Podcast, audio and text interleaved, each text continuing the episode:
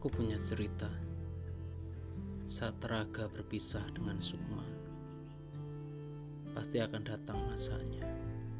Semua orang berkumpul bersama untuk terakhir kalinya mengantarkanku ke sana. Di tempat aku tenang untuk selama-lamanya. Di tempat kita bisa bersyukur atau mungkin menghujat kehidupan yang sudah habis kuota.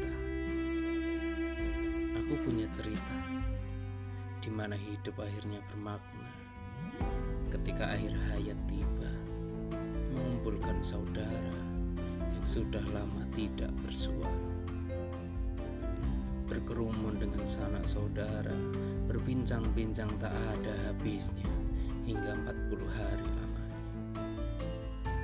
Terima kasih semesta inilah akhirnya ku bersyukur pernah ada